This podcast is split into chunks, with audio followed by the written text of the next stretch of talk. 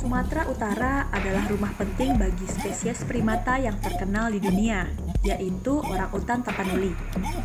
Orang utan tapanuli pertama kali diklasifikasikan pada tahun 2017, dan kebiasaan serta DNA-nya membuktikan bahwa orang utan tapanuli adalah spesies yang unik.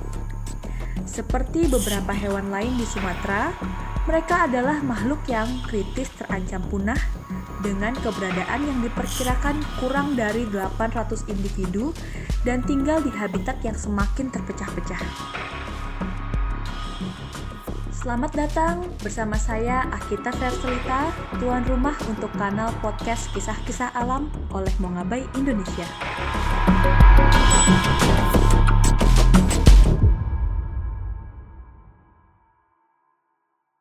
Orang utan adalah spesies payung yang membantu menyeimbangkan ekosistem dengan memakan buah dan menyebarkan benih melalui biji buah. Sampai saat ini, peneliti masih berusaha untuk menghitung berapa banyak spesies yang tersisa karena masih sulit untuk menjumpai mereka di alam liar. Keberlangsungan hidup satwa ini terancam dikala rumah mereka menjadi sasaran berbagai keperluan, dari tambang emas, perkebunan sawit, sampai proyek pembangunan pembangkit listrik tenaga air PLTA Batang Toru yang dikerjakan oleh PT North Sumatra Hydro Energy. Hal ini membuat hidup orang utan Tapanuli menghadapi masa depan yang tidak pasti dan semakin menantang peluang spesies ini beserta 23 spesies terancam lainnya untuk bertahan hidup di wilayah tersebut. Pembangunan PLTA Batang Toru mendapat sorotan dari banyak pihak. Salah satunya Pan Eko, sebuah lembaga internasional yang melakukan penelitian dan penyelamatan ekosistem Batang Toru, yang juga termasuk dalam penyelamatan orang utan Tapanuli. Dinyatakan bahwa akan terjadi kepunahan orang utan Tapanuli jika perusahaan pembangun PLTA Batang Toru tidak memitigasi secara serius.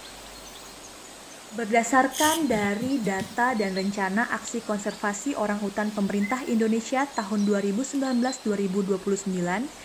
menyebutkan bahwa perubahan habitat yang terus terjadi di seluruh ekosistem Batang Toru akan membuat populasi orang hutan Tapanuli berkurang sebesar 1,25% sampai 2,25% dalam kurun 10 tahun ke depan. Kondisi ini berakibat orang hutan Tapanuli berkurang sekitar 10-20 ekor pada periode yang sama. Izin proyek pembangunan PLTA adalah seluas 1.800 hektar dan menurut laporan terbaru, wilayah terbuka akan ada sekitar 370 hektar dan yang akan rusak permanen sekitar 86 hektar. Jadi seluas 86 hektar tersebut merupakan habitat orang utan tapanuli yang akan rusak permanen. Emi Hafiz, yang merupakan penasehat senior PT North Sumatra Hydro Energy, mengatakan bahwa keterancaman orang utan tapanuli tentunya menjadi perhatian perusahaan.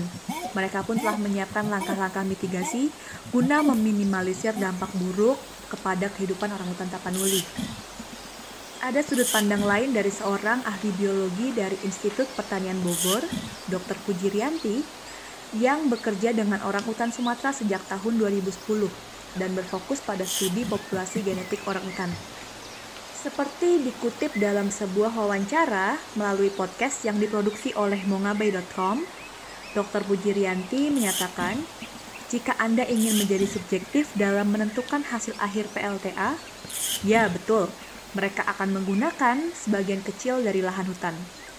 Namun, proses pembangunan infrastruktur seperti transportasi alat dapat memberikan dampak besar bagi kelangsungan hidup dan kestabilan hidup orang hutan dan fauna lainnya.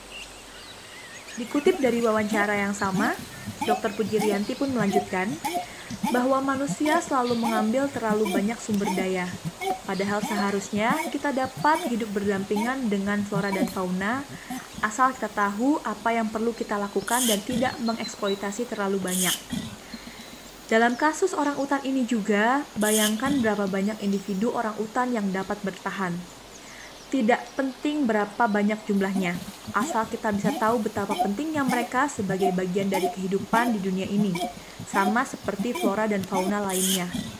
Jangan hanya peduli pada diri sendiri, namun juga pedulilah terhadap makhluk hidup lainnya. Demikian podcast kisah-kisah alam Mongabai Indonesia.